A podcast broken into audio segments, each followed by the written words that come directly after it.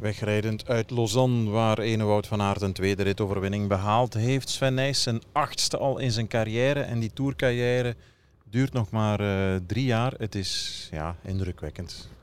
Ja, men zegt vaak wat goed is, komt snel. Um, zeker in, in de sport. Maar Van Aert uh, ja, toont echt dat hij van alle markten thuis is. Hè. Tijdritten, aankomst bergop, massasprints. Dat is uh, indrukwekkend. En het had al een paar ritten meer kunnen zijn als we kijken naar wat er de afgelopen week is gebeurd. Absoluut, absoluut. De rit vandaag in een notendop, ja, die is heel makkelijk samen te vatten. Saai. Ja. Uh, ik vond ze behoorlijk saai inderdaad. Ik had meer verwacht van het uh, aanvalswerk, dat er een grote groep zou wegrijden. Maar uh, dat is niet gebeurd en dan krijg je drie renners voorop.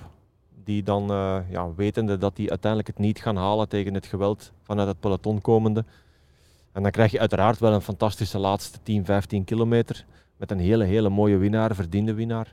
Maar je wil gedurende die dag wil je natuurlijk wat meer actie zien. En dat is er jammer genoeg niet gekomen. Komt dat eigenlijk? Heeft dat dan te maken met de wind die toch wel aanwezig was? Met glooiende, maar niet al te zware en vooral heel brede wegen.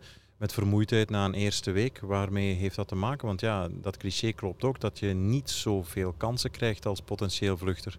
Nee, maar ik denk ook dat. Uh renners sowieso wel wat gaan polsen en gaan luisteren. En uh, heeft Van Aert ambitie, ja of nee? En dan zijn er al een aantal die denken van ja, als hij ambitie heeft, dan gaat de ploeg zich ook op kop zetten op bepaalde momenten. En dan gaan ze die kloof wel dichten. Dus zouden we dan deze dag wel uitkiezen om voorop te gaan rijden. Dus dat is ook een stukje uh, psychologische oorlogsvoering. Um, vermoeidheid van de afgelopen dagen zal zeker ook meespelen. Roubaix, of daar in de buurt van Roubaix, Wallers, uh, Longwy ja, die rit, dat, is, uh, dat hebben we in geuren en kleuren verteld. Die was indrukwekkend met 49 km per uur.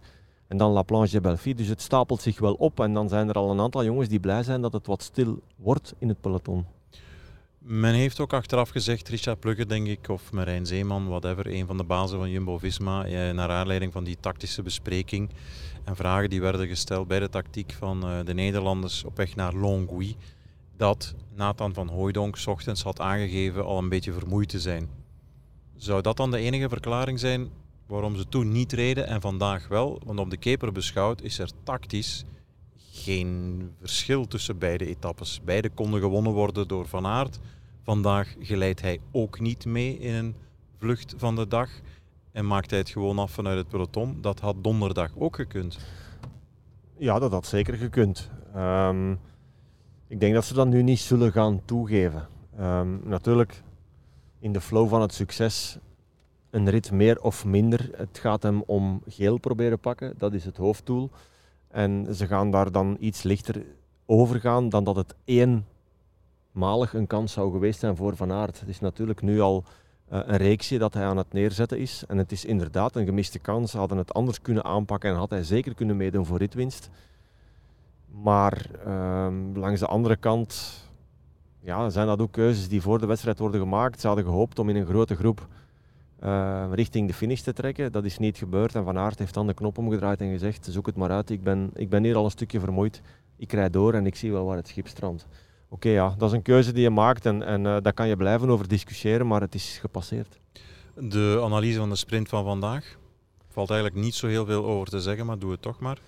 Maar het is gewoon wachten. Het is gewoon echt wachten tot op een goede 150 meter van de finish. En als je dan het eerste beeld krijgt van Van Aert, ja, dan zou je zeggen, als hij nu niet over de aller, allerbeste benen beschikt, hij raakt ingesloten en hij komt nooit meer op het wiel van Pogacar of daarover. En ook Matthews. Maar dan zie je gewoon de kracht van Van Aert, die kalm blijft, die uh, wacht totdat de opening wel gecreëerd wordt in laatste instantie. En ja, plaatst dan zijn jump op, denk ik, een uh, kleine 100 meter van de finish. En dat is ruimschoots voldoende om nog twee man te passeren. Dus ja, dan spreek je vandaag gewoon echt over de allerbeste man van de dag heeft gewonnen. Is dat dan aanvoelen, weten ook dat die bocht nog afbuigt naar rechts en dat uh, de mannen die op kop sprinten sowieso die diagonaal zullen gebruiken, de kortste weg, en dat die opening de ruimte er wel komt? Want hij wachtte, hij bleef wel heel kalm. Maar ik denk toch dat hij even gedacht heeft van oeh, als ik hier nog maar uitkom. Ja? Um, het, is, het zijn momentopnames, het zijn fractie van een seconde. En er zijn er altijd, dat weet je gewoon, een aantal die net dat tikkeltje vroeger zullen aangaan om te proberen te verrassen. Ja. En dan, als je dan op de tweede lijn zit, ja, dan kan je ingesloten raken. Natuurlijk, die bocht heeft hem geholpen. De opening werd gecreëerd, vooral ook omdat Van Aert de kracht heeft ehm, om, om in laatste instantie, als je bijna aan de finish bent, die versnelling nog in te zetten. En daar was niemand anders toe in staat. Reuzenwerk van de Tim de Klerk van Jumbo, Nathan van Hooydonk. Hè? Absoluut, uh, heel sterk. Mannen hebben heel veel werk opgeknapt. Ze moesten het vandaag niet alleen doen. Ze werden wel geholpen door de mannen van Matthews en ook de mannen van, uh, van de Emiraten. Dus met z'n drie. En het zijn ook uiteindelijk de mannen die uiteindelijk het podium hebben uh, gevuld vandaag. Dus ja, ze wisten wel waar ze mee bezig waren. Moeten we iets speciaals verwachten van morgen? Wordt dat een overgangsetappe?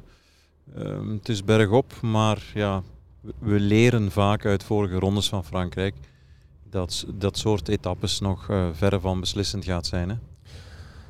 Nee, dat klopt. Ik denk dat uh, het inderdaad opnieuw, net zoals vandaag eigenlijk, wel eens een vlucht zou kunnen zijn die voorop blijft. Uh, als daar de juiste mannen in zitten. Je weet nooit uh, wat straks aan tafel of nadien in het vergaderzaaltje nog wordt besproken, welke plannen ze willen gaan boventoveren. Warmte gaat nu de komende dagen ook beginnen een rol spelen. Dat mhm. gaat voor extra vermoeidheid zorgen, dat mag je absoluut niet onderschatten. Maar hoe je dat nu ook draait of keert, vandaag pakt Pogacar weer een paar secondjes meer en staat de concurrentie al minimum op bijna 40 seconden. Zo is het, hè. Ja. Klein woordje nog over Jasper Philipsen. Haakt af op een kilometer van de streep. Net, net te lang te stijl. Ja, de ploeg um, is, vind ik, wel in orde. Ik vind dat ze redelijk aanwezig zijn in het uh, beulwerk om proberen Jasper in de juiste positie te brengen. Ook in dat werk uh, om de kloof te dichten op de kopgroep die... Uh, die voorop rijdt. Maar als het dan echt erop aankomt, dan zie je toch dat als het bergop gaat, Jasper net niet voldoende ehm, overschot heeft om nog mee te kunnen en een jump te gaan plaatsen. En daar krijgt hij eigenlijk voor de tweede keer een klein beetje het deksel op de neus. Ehm, ik vond hem heel goed in, uh, in Denemarken. Daar een paar keer echt beensnelheid getoond. Maar als het bergop gaat, dan komt hij toch wat tekort. En dat zal toch ook tussen de oren beginnen spelen. Ja. Je ziet anderzijds wel dat buiten Matthews niet meer zoveel sprinttypes daar vooraan zitten hè, bij de eerste 25, 30. Hè? Nee, vroeger zou je daar een Sagan hebben gehad. Misschien ook wel een Ewan in heel, hele goede doen. Maar uiteindelijk komen die allemaal op achterstand binnen. En, uh... zelfs een Pitcock die geweldig bergop kan fietsen, hangt er nog net aan, maar doet ook niet mee voor de overwinning. Dat zegt veel. Hè? Nee, inderdaad. Top 10 net. Dat is, uh, hij moet gaan zitten waar de anderen echt beginnen te staan en de versnelling inzetten. Natuurlijk Pitcock, heel heel jong, eerste ervaring in de Tour. Dat mag je zeker niet, uh, niet onderschatten. Maar langs de andere kant is het groepje dat echt overblijft om zo'n punch boven te halen, heel beperkt. Um, dat heeft ook te maken met het feit dat het tempo in die kilometers daarvoor gewoon gigantisch hoog ja, ligt. Moordend, hè? Ja. ja. Morgen al jouw laatste dag bij ons, uh, bij Sportza.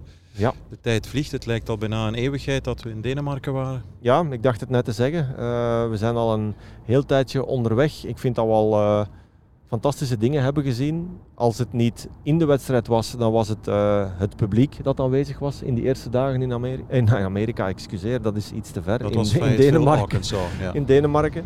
Maar dan eens Frankrijk binnengebold, ja, dan dan hebben we toch op het puntje van onze stoel gezeten met die fantastische overwinning van Van Aert. Uh, de kasseirit, Longwy, dat was 216 eh, kilometer smullen. Mhm. uh, en dan La Planche Belfi en, en ook vandaag weer een mooie overwinning van Van Aert. Dus laten we daar morgen nog een klein laagje bovenop doen. Voilà. Bis morgen.